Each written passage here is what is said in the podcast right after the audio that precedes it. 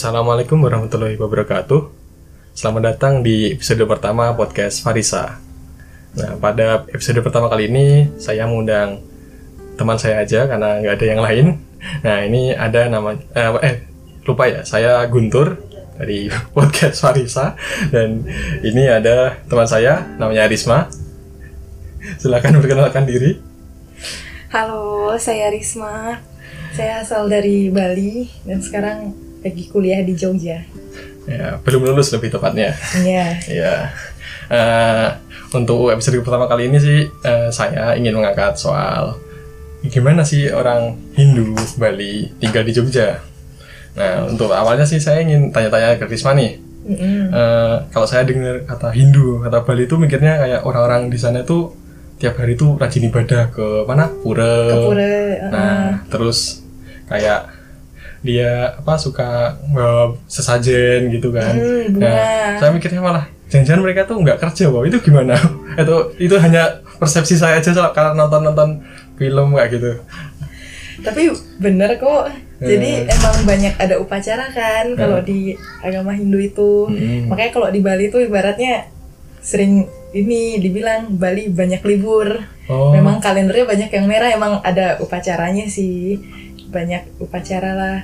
Dan sebenarnya kalau pada umumnya sih satu hari sembahyangnya tiga kali kan. Nah terus nah itu pas sembahyang itu pakai dupa kan, pakai dupa. Terus istilahnya bawa bunga atau istilahnya itu ada canang, Hmm. kayak bunga sama pakai air lah untuk ibaratnya alat persembahyangannya gitu. Ya memang seperti yang Farisa lihat, memang setiap hari seperti itu. Jadi kalau main ke Bali pasti mencium aroma dupa di mana-mana. Nah gitu. Eh, tapi aku mikirnya, tadi tadi kamu bilang kalau Bali itu banyak libur. Nah berarti Iya banyak libur. kalau Bali libur, eh maksudnya kalau katakanlah di seluruh Indonesia selain Bali itu nggak libur nih, tapi Bali minta libur sendiri tuh boleh atau ada peraturan daerahnya kayak gitu? Nah iya ada peraturan daerahnya, peraturan daerah provinsi Bali itu. Hmm. Mm-mm, makanya enak kalau kuliah di Bali banyak liburnya. Oh gitu ya? Wah aku nyesel kayaknya kuliah di Jogja ini. Eh, Nggak apa-apa sih, tapi eh, ya mungkin orang Bali emang orangnya slow-slow gitu ya. Iya apa? Menikmati. eh, eh, Nah kalau tadi kan upacara, eh berarti kan katanya ada banyak upacara-upacara agama nih. Nah itu menurut Risma ap- eh, bagian upacara apa sih atau upacara jenis apa sih yang paling asik mungkin yang Risma kayak seneng banget? Aku pengen upacara ini terus nih. wah. Nah, kayak gitu. Hmm, wah tapi takut sombong nih. Jadi kan ada banyak upacara nih. Dan aku sebutin aja istilahnya ya. Hmm. Jadi dia ada galungan kuningan. Galungan kuningan tuh ibaratnya me- merayakan kemenangan kebaikan melawan kejahatan lah ya. Hmm. Ada banyak lagi terus ada Saraswati. Saraswati itu emang eh, hari ilmu ilmu pengetahuan. Jadi mujanya Dewi Saraswati. Nah, aku paling suka hari raya itu. Hari raya Saraswati Saraswati. Eh, karena waktu hari Sa- raya Saraswati itu eh, aku dan umat Hindu lainnya tuh eh, ini kan naruh canang, pokoknya taruh seja- sesajen itu di atas buku Eh, buku yang sedang kita pelajari lah ibaratnya. Nah aku paling suka itu karena ibaratnya aku minta ini kan, minta berkah lah supaya wah aku bisa menguasai buku eh, ini. Jadi pinter gitu. Ya paling suka lah itu. Oh, berarti kan Risma ini kan eh, kuliahnya sastra Jepang ya? Jadi pernah nggak maksudnya masang sajian di atas buku apa buku kayak apa grammar bahasa Jepang kayak gitu? Oh selalu itu Oh. setiap Saraswati. Jadi eh, buku ini kan kalau bahasa Jepang itu ada istilahnya JLPT Japanese Eh, Language Proficiency kayak Test. TOEFL-nya Jepang itu. Iya, TOEFL-nya Jepang. Hmm. Jadi, wah sudah banyak sesajen itu di atas buku itu.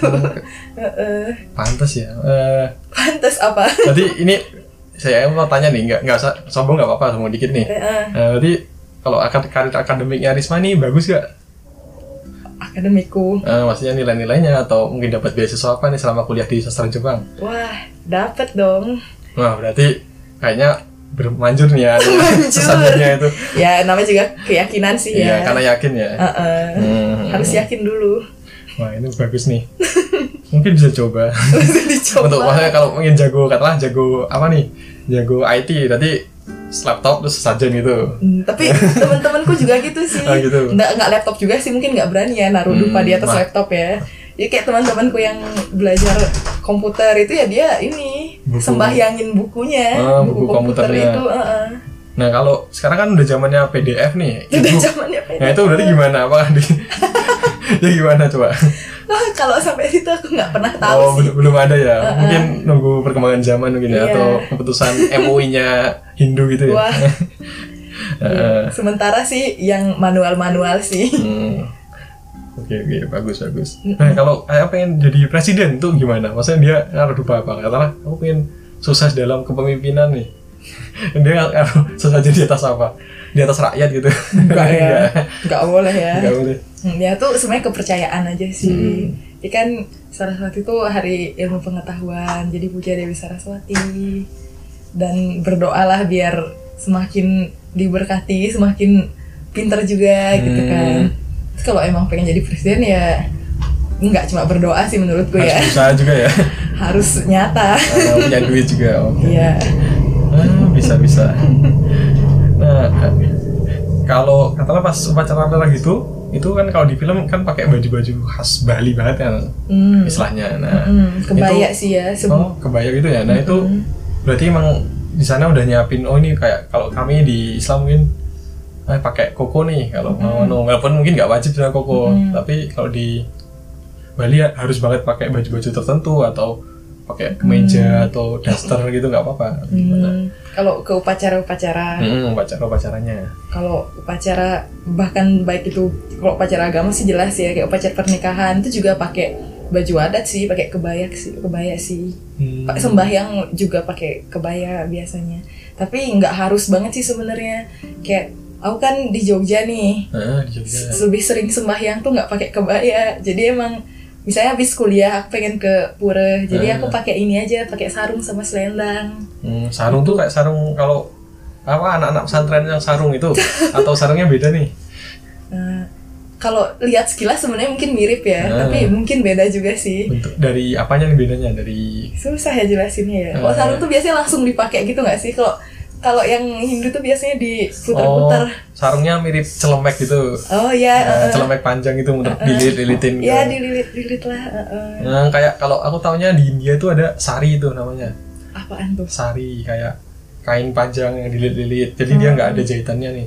Oh, uh, Terus uh. di- tinggal di Iya, ada yang kayak gitu. Tapi zaman udah modern sih ya. Hmm, Sebenarnya ada yang kayak langsung pakai gitu juga sih. Eh, Ya, tapi umumnya pakai yang manual sih kalau aku. eh, kalau kalau di mana ya? Kalau di sekarang kan kalau di Islam kekinian nih Uh-uh. kan hijab tuh banyak modelnya ada yang merek-merek tertentu nih tidak Oh, iya. nah itu kan ada yang ini tren fashion hijab terkini Hmm. 2019 nah kalau di Hindu ada tren fashion sarung kekinian atau kebaya kekinian gitu nggak Ada sih sebenarnya. ada Ini memang kalau udah ngomong tentang pakaian tuh emang tidak lepas dari itu ya, Mode. dari mode, dari fashion itu ya. Di kebaya kalau sembahyang itu juga sering berubah sih.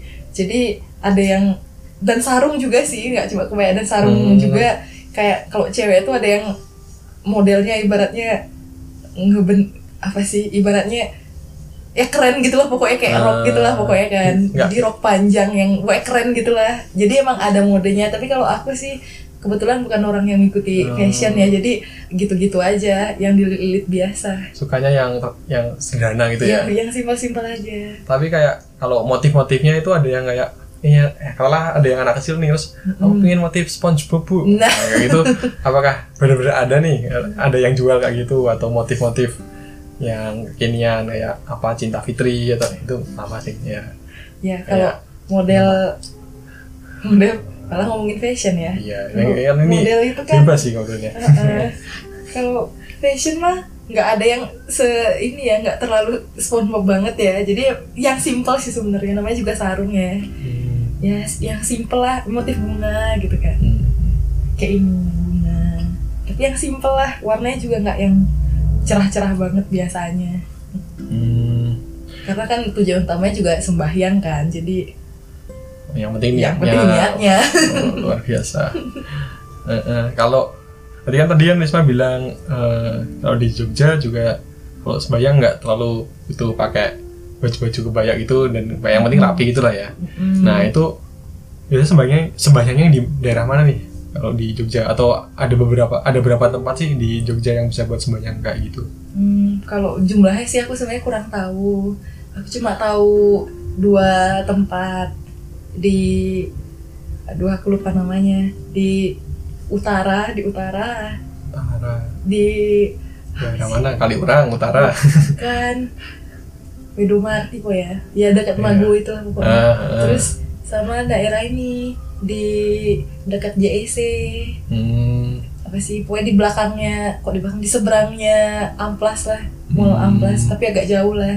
Aku sih lebih sering di sana soalnya itu apa pura jagat matanya jagat mata tuh pura terbesarnya. Hmm. itu emang di daerah Banguntapan itu. Oh buat itu ya. Mm-mm. tempat favorit di Jogja sih Iya. Kalau itu, itu biasanya itu seberapa sering sih kalau ke pura itu buat ibadah kalau selama di Jogja? Dan bedanya dengan pas di Bali apa? Maksudnya seberapa sering pas di Bali seberapa sering pas di Jogja? Hmm, sebenarnya kan apa sta- apa biasanya sih satu hari itu tiga kali sembahyangnya pagi siang sama ya sore itulah. Hmm. tapi itu tergantung orangnya juga sih ya. Terus sebenarnya sembahyang tuh bisa di mana-mana. Jadi kayak waktu aku SMA tuh ya sembahyangnya di kelas sembahyang bareng-bareng sama teman-teman. Hmm. jadi kayak kalau apa frekuensi sering sembahyang tuh pas di Jogja atau di Bali sih jelas di Bali ya. Hmm. karena apa di dalam rumah di rumah pun juga ada pura kecil. Itu ibaratnya bukan ibarat sih istilahnya itu merajan. Itu tiap rumah orang Hindu tuh pasti punya merajan sih. Merajan tuh merajan tuh tempat mana? tempat sembahyangnya juga dan diper- kami percayanya kan Tuhan dan leluhur itu bernaung di sana gitu kan. Hmm. pokoknya di sembahyangnya ada tempatnya kan ibaratnya. Punya pura di dalam rumah lah. Jadi sering sembahyang kan bisa tiap hari kan kalau ada gitu. Tapi kalau aku di Jogja karena tidak ada yang seperti itu pastinya. Nah, jadi ya sembahyangnya di pura atau sembahyangnya di kamar kos aja. Nah. tapi lebih aku sih lebih seneng sembahyang di pura sih lebih lebih dapet lah ya suasananya Hmm, hmm. kan. Pakai dupa juga ada bunganya juga. Kalau pas sembahyang kayak gitu nih itu kayak ada doa-doa tertentu yang harus dihafal nggak kayak baca-baca kalau di Islam kan ada baca surat-surat pendek atau surat-surat apa bacaan-bacaan pas sholat gitu atau yang penting dalam hati niat sembahyang nah, kayak gitu. Hmm. kalau Risma sendiri sih ya, kalau yang ustadz-ustadznya di Hindu kan juga nggak tahu kan oh iya sih sebenarnya ada dan standarnya tuh ibaratnya standarnya ada kan kayak Hmm. yang sholat lima kali itu kan Hmm. ada mantra ibaratnya mantra nggak sih Ah, di Heeh. di anu mantra kalau di sana heeh, kalau kamu bilangnya mantra kan itu kan Hmm. Heeh, jadi mantra tuh ada namanya mantra Trisandya. Trisandya itu Tri itu kan tiga jadi apa sih sembahyang yang dilakukan satu hari itu tiga kali lah ya. Hmm. nah itu tuh ada mantranya. Tiga kali ibaratnya itu- standar standarnya adalah mantranya. Oh, kalau tiga kali itu jam berapa atau ada titik-titik hari tertentu? jamnya sih nggak ada sih tapi biasanya sih pagi. Hmm. terus siang sama sore. Heeh, itu sih. Apa terus mantranya ya standar lah ada mantra untuk sembahyang tuh. Dan tuh biasanya dari kecil sih dari dari kecil udah diajarin kan biar hafal. Heeh. terus selain itu ya tambah doa sendiri juga sih. Ada juga sih doa khusus kalau biasanya purnama tilem. Pas bulan mati sama bulan purnama tuh ada ininya kalendernya kan Mm-mm. ada ini kan sembahyang ke pura gitu.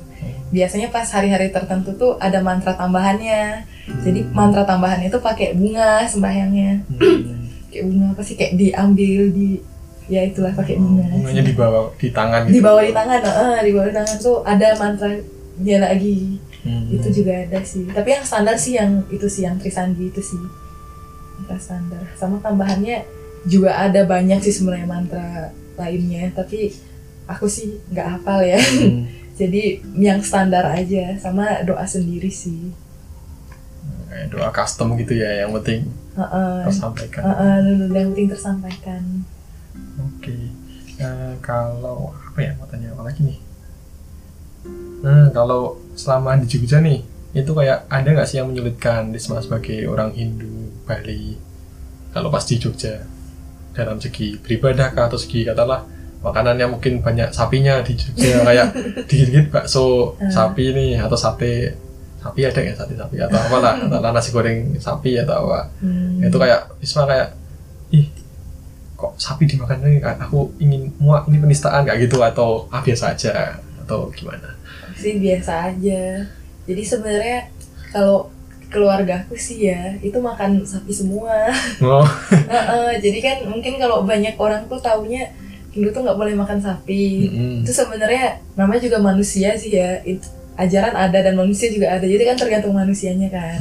Jadi kalau keluargaku sih ya nggak tahu keluarga yang nggak tahu orang lain kalau keluargaku tuh percayanya sapi itu kan kendaraannya Tuhan. Mm. dan sapi itu disucikan tapi bukan berarti sapi itu nggak boleh dimakan. Oh, jadi suci belum berarti bukan berarti haram kayak gitu. Heeh, itu itu sih keluarga oh sih. pandangan keluarga ya. Pandangan keluarga sih. Jadi emang keluarga sih makan aja tapi nggak yang emang nggak yang bener-bener utama nggak yang favorit dan yang nggak Hmm, sering sih. gitu. jadi kayak misalnya beli bakso nih ya udah beli bakso aja. Terus tau tau ya bakso sapi ya udah makan aja Hmm, gitu kan. santai aja gitu. santai aja heeh.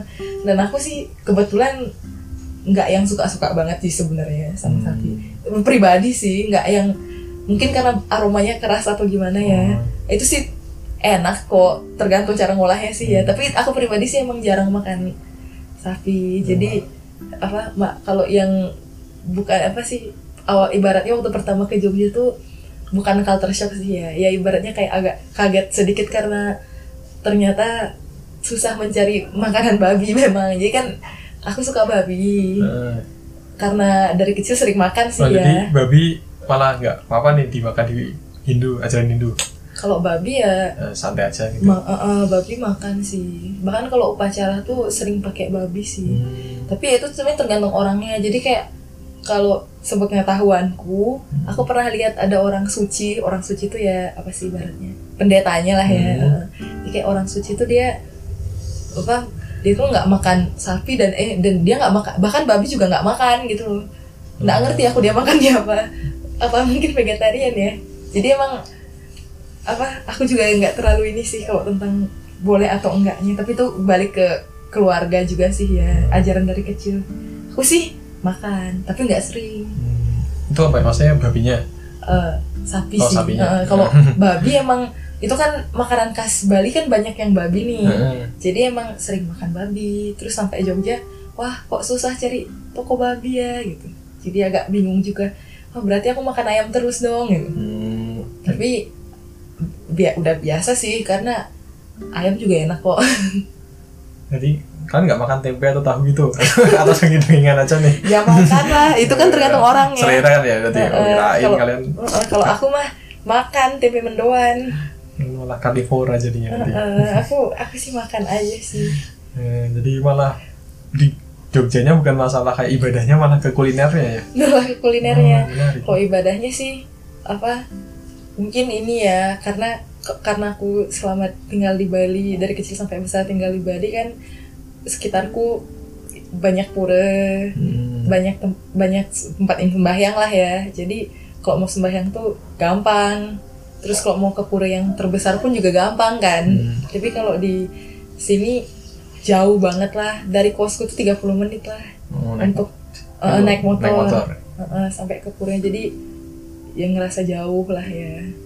Jadi nggak bisa sering nggak apa bukan nggak bisa sih. Susah lah kalau sering-sering. Nah, dan oh, mager juga berarti. Karena jauh ya. Eh.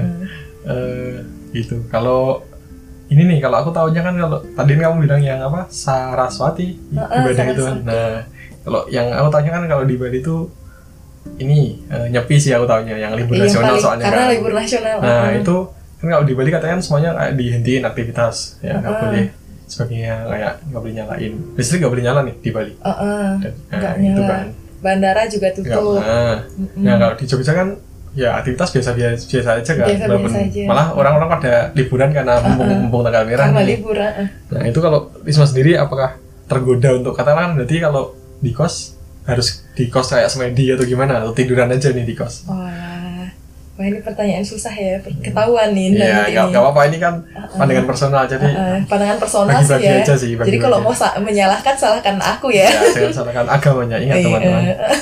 salahkan orangnya Ya, lah ya. salahkan orangnya oknum ini dia. Uh, uh, jadi salahkan saya lah ya. Jadi kan kalau di Bali kan gelap semua nih. Apa maksudnya nggak nyala semua kan. Hmm. Jadi sebenarnya hari hari paling hari paling indah tuh ala ya kalau bilang hari paling indah ya Hmm. hari paling cantik tuh sebenarnya nyepi kalau di Bali karena listrik nggak nyala dan langitnya cantik banget Hmm. karena gelap gulita kan jadi langitnya bintangnya tuh keren banget di Bali Oh, kayak langit terbaik lah itu wisata anu berarti Oh, wisata langit. wisata langit itu ya kayak bukit bintang lah gitu. eh, jadi apa bintangnya bagus lah ya pemandangannya Hmm. pas nyepi sih paling keren sih aku suka sih tapi kalau di sini kan lampu tetap nyala lampu tetangga kos juga nyala kan lampu kosan juga nyala Hmm. kan. Jadi ya kalau bagi aku sih itu apa boleh buat kan. Jadi aku me- melakukan yang aku bisa aja. Jadi kan nggak keluar rumah kan Hmm. pas nyepi kan. Ya aku nggak keluar nggak keluar kosan sih. Oh, nggak nggak kamar mandi gitu. eh ke kamar Hmm. mandi sih kamar mandi. Nah, maksudnya nggak keluar nggak ke halamannya lah ya. Nah, di dalam kos lah beraktivitas gitu.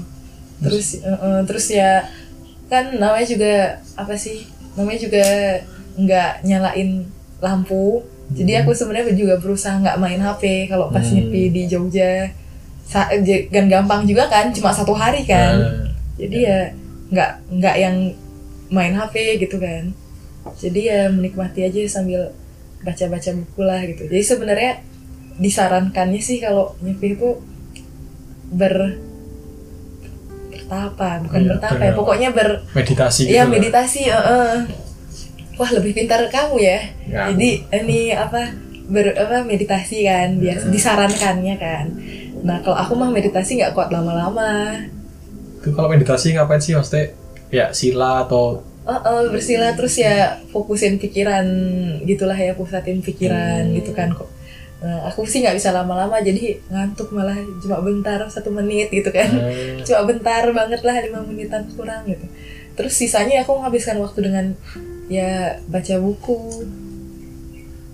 kalau idealnya berarti pas di Bali itu rata-rata kan ya aku malah nggak tahu nih kalau nyepi itu dari jam berapa sampai jam berapa sih sebenarnya Hmm, dari ini dari jam 6 sampai jam 6 di jam 6 pagi sore sampai jam oh, 6 pagi. Oh jadi katakanlah nyepinya tanggal 1 nih. Eh, berarti tanggal 1 jam 6 satu jam 6 pagi sampai tang tanggal 2 jam 6 pagi. Kalau nggak salah lo ya. nah ini Salahkan oknumnya. ini oknum ya dia kurang cerdas memang ini. Tidak apa-apa.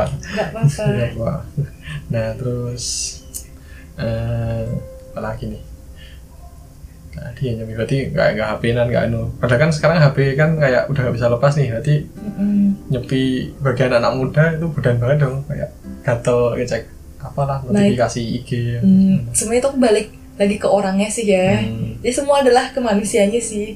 Aku pikir kayaknya ada aja kok yang main HP pasti. Hmm. Pasti ada aja kan. Dan itu dan itu ya nggak salah juga kan, itu kan tergantung orangnya kan. Hmm. Kalau aku sih enggak sih.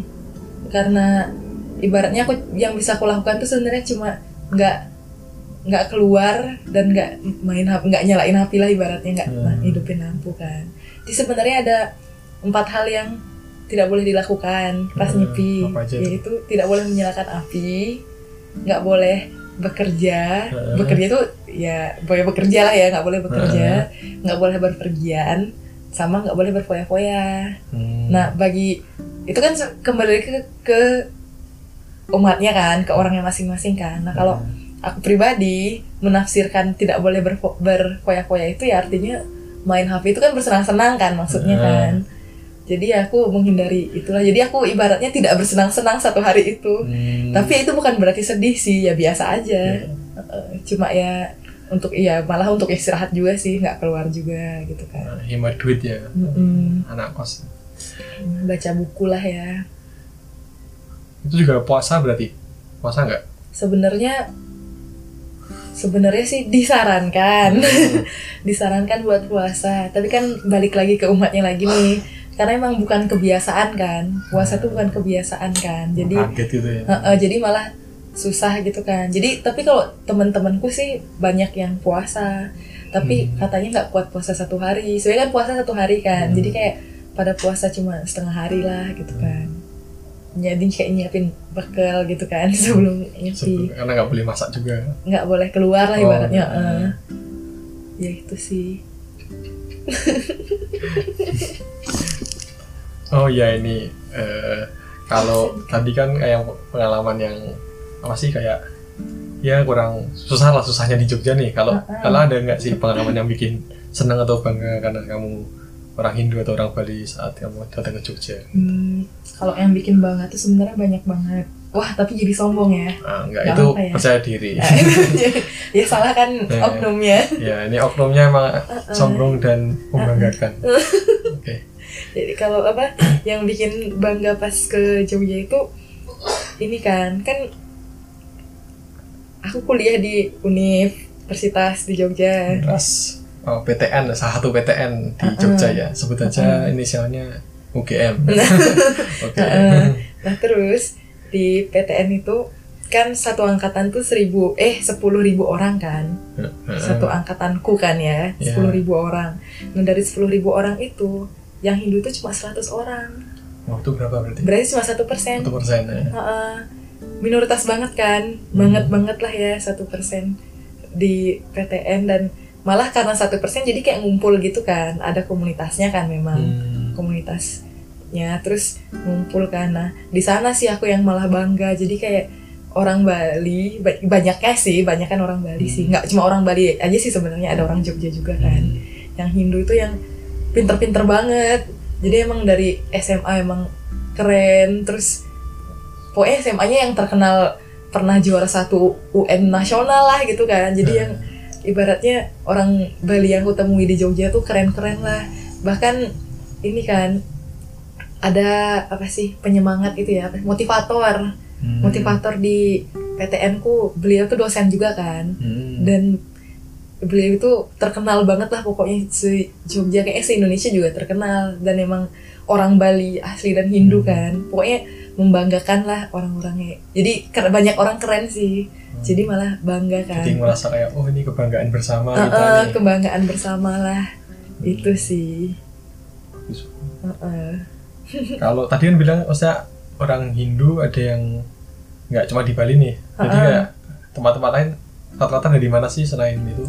wah aku lupa ya aku dari mana ya Ya, Kalau atau salah, dari Aceh gitu orang dari. Sulawesi mana gitu ada. aku lupa pokoknya ada kok dari dari Lombok juga ada kan dari Jogja dari mana sih lagi daerah-daerah Jakarta gitu juga ada kok Hmm. jadi ya mereka nggak bisa bahasa Bali tapi Hindu Oh gitu.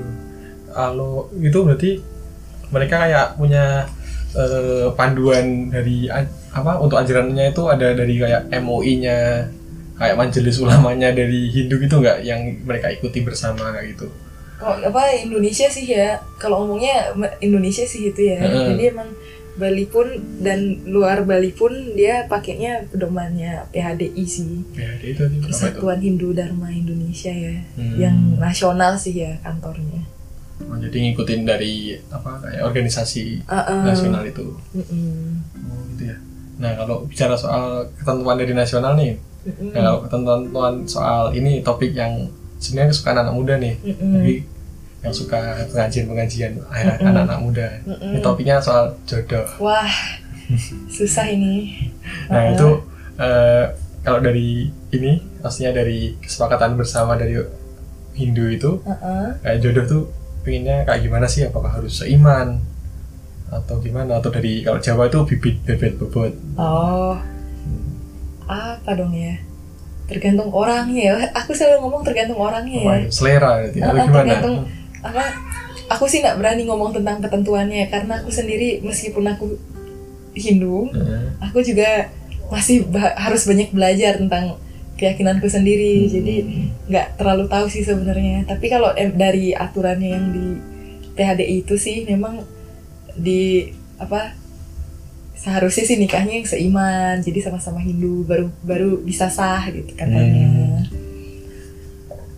tapi kalau kenyataan kayak keluargaku sih ini apa yang penting ngikut suami kalau yang keluargaku jadi Hmm. ngikut yang cowok lah Oh, cowoknya itu. Itu kenapa harus ngikut yang cowok? Ada kayak landasan apa im- keyakinan gimana tertentu gitu nggak? oh iya ada keyakinannya sih itu ke- keyakinan keluargaku sih ya Hmm. Jadi kan kalau di ajaran Hindu tuh kan eh, cowok itu berusaha jadi cowok itu pemimpin keluarga. Hmm. Jadi apa cewek itu harus ngikut yang cowok. Hmm. Nah jadi kayak kakekku tuh kan jadi tanteku nih, tanteku kan pindah ada yang pindah Islam ada yang pindah Kristen juga jadi memang karena yang cowoknya menganut agama itu jadi ngikut yang cowok. Oh jadi kalau katakanlah kamu nih eh, ke- kepincut sama cowok Islam nih. Heeh. nah terus tiba keluargamu merestui "Wah, silakan nih pindah ke Islam aja gak apa-apa. Gitu. Gitu kayak gitu berarti gak apa-apa nih? Eh, kayak gitulah ibaratnya. Hmm, tapi kalau aku sih pengennya ya gimana? bertahan ya. Oh kayak mempertahankan keturunan Hindu gitu. Eh, gimana buka ya benar keturunan Hindu. Ini sih per- karena aku dari kecil kan diajarinnya tentang Hindu kan Hmm. aku tumbuh dan besar tuh dengan ajaran Hindu kan jadi meskipun aku nggak paham-paham banget karena perlu banyak belajar lagi kan tapi sampai sekarang nih ya sampai sekarang tuh emang aku menemukan Hindu tuh sih yang aku banget gitu kan Hmm. sebenarnya kan kalau pendapatku pribadi nih, sebenarnya kan agama tuh semuanya mengajarkan kebaikan. Jadi semua ujung-ujungnya tuh sama, sama-sama mengajarkan kebaikan kan. Tapi yang membedakan kan caranya nih. Ada yang muja dengan apa lah dengan apa kan. Kalau Hmm. Hindu kan mujanya lewat dupa, lewat bunga, lewat buah itu kan. Hmm. Mengaturkan buah-buahan gitu kan. Aku nyaman dengan cara itu. Jadi ingin bertahan lah. oh dengan yang Karena mungkin sudah nyaman sih ya. oke Di zona nyaman. kalau tadi kan jalan utamanya sebaiknya Hindu aja nih tapi Hmm. ada syarat kayak kalau setahu di Hindu itu ada sistem kasta ya Mm-mm. nah itu apakah ngaruh nih kasta katakanlah kasta A nih sama kasta B nah Mm-mm. itu kayak itu gimana Hmm, kalau kalau bicara tentang Bali aja nih ya, hmm, Bali nih Heeh, kalau di Bali itu di Bali sendiri tuh ada daerah yang ibaratnya agak apa kuat banget keyakinannya. Nah kalau di daerah yang kuat keyakinannya itu itu biasanya nggak mau turun kasta, jadi harus tetap lah ya sama kastanya. Hmm. Tapi kalau di daerahku ini sih lebih ke fleksibel sih. Jadi terserah aja kalau suka ya C, Cin- Hmm. kalau udah cinta ya ya udah kayak gitu Oh. sih. Jadi kalau kalau keluargaku sih ini nggak nggak terlalu sih kalau keluargaku. Jadi emang mau sama-sama Hindu tapi kastanya beda ya udah nggak apa-apa gitu. Kalau itu nanti kastanya ngikut yang dari pihak suami atau pihak istri Nah, gitu Wah menarik nih. Hmm. Ada dua mm, bisa dua-duanya. oh bisa dua-duanya Jadi kan umumnya sih ngikut yang cowok kan kayak tadi aku bilang kan Ah. pasti ngikut yang cowok. Jadi kalau yang cowok yang malah aman kan mau ceweknya tidak berkasa pun ceweknya yang bakal Oh, naik kan. ketarik. Eh, eh, ibaratnya gitu kan. Tapi kalau yang cewek yang kasihan malah turun kayak itu kan Hmm. ibaratnya. Nah tapi ada istilahnya tuh nyentane, apa nyentane apa sih sentana lah ya. Heeh. Sentana tuh ini apa cowok tuh yang ikut keluarga cewek.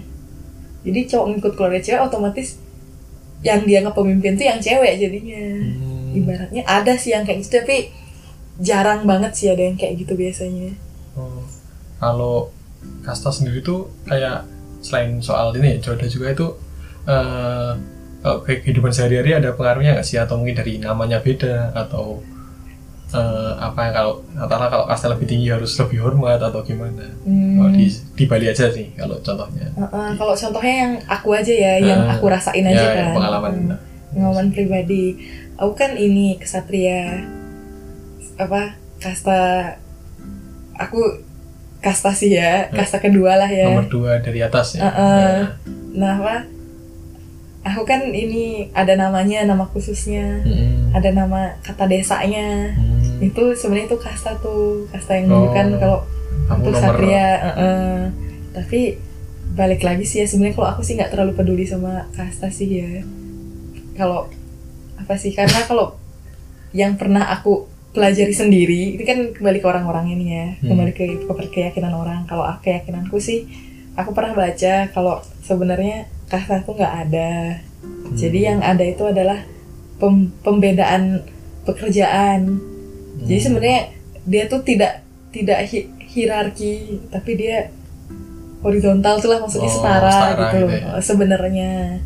Tapi ya aku nggak ngerti kenapa tiba-tiba katanya sih malah jadi kesannya jadi vertikal kesannya kan. Hmm.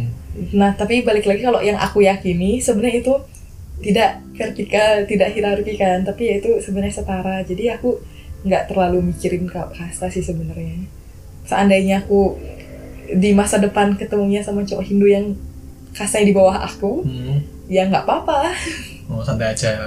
Mungkin kesannya turun ya tapi kalau aku pribadi sih nggak apa-apa itu bukan sesuatu yang baik dan bukan sesuatu yang buruk sih jadi ya biasa-biasa aja Kalau t- tadi kan bilangnya setara terus cuman beda dari wah, kayak perannya gitu kan ya, peran Ah, sosialnya gitu ya. perannya yang beda Nah, itu kan kalau satria aku bayanginnya berarti apakah kamu harus belajar bela diri atau gimana untuk kayak kerjanya hanya boleh di TNI atau Polri atau katakanlah yang Brahmana hanya bisa jadi kayak kerja di apa PHDI nah kayak gitu atau itu nggak apa-apa bebas sih yang penting kerja kerja aja Nah, itu kan, itu menarik banget ya Hmm. sih. Jadi kan apa itu kan sebenarnya kayak keturunan aja kan. Jadi Hmm. kayak Brahmana berarti ya dulu-dulunya adalah yang orang suci kan. hmm. Ibaratnya pendetanya lah ya. Orang suci itu Brahmana.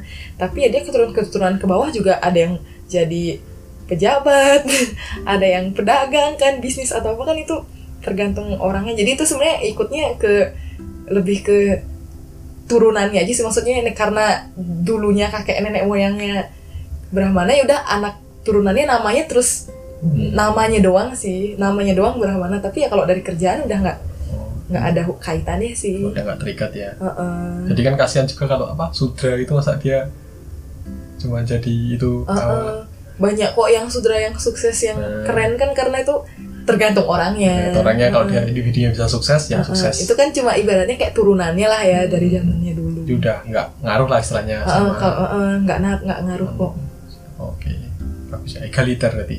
Bagus. egaliter Eh, oke sih, kalau ini udah cukup lama sih. Sekarang penutupnya aja sih. Tentang jodoh enggak, penutupnya Hmm. lebih ke apa sih yang ingin eh, apa Risma sampaikan ke teman-teman mendengar. Yang tadi aku belum tanyain, siapa tahu ada kayak apa sih yang pengen dari Hindu Bali itu yang pengen diketahui, eh, ingin Risma sampaikan.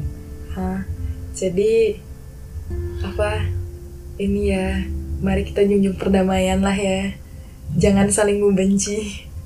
Jadi kayak aku kan sering ini kan kalau lihat di internet-internet tuh kan kayak saling ngejelek-jelekin lah ya. Misalnya banyak yang ngejelekin agamaku nih dibilang pemuja patung gitu kan. Hmm.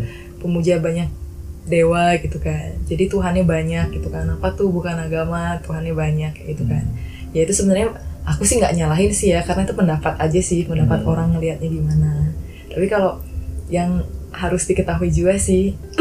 Memang memang aku memuja patung iya memuja dewa banyak tuh iya. Tapi sebenarnya dewa banyak itu sebenarnya Tuhan tuh satu tapi fungsinya yang banyak gitu. Makanya punya namanya sendiri makanya kesannya dewanya banyak. Hmm. biar nggak dibilang pemuja banyak dewa.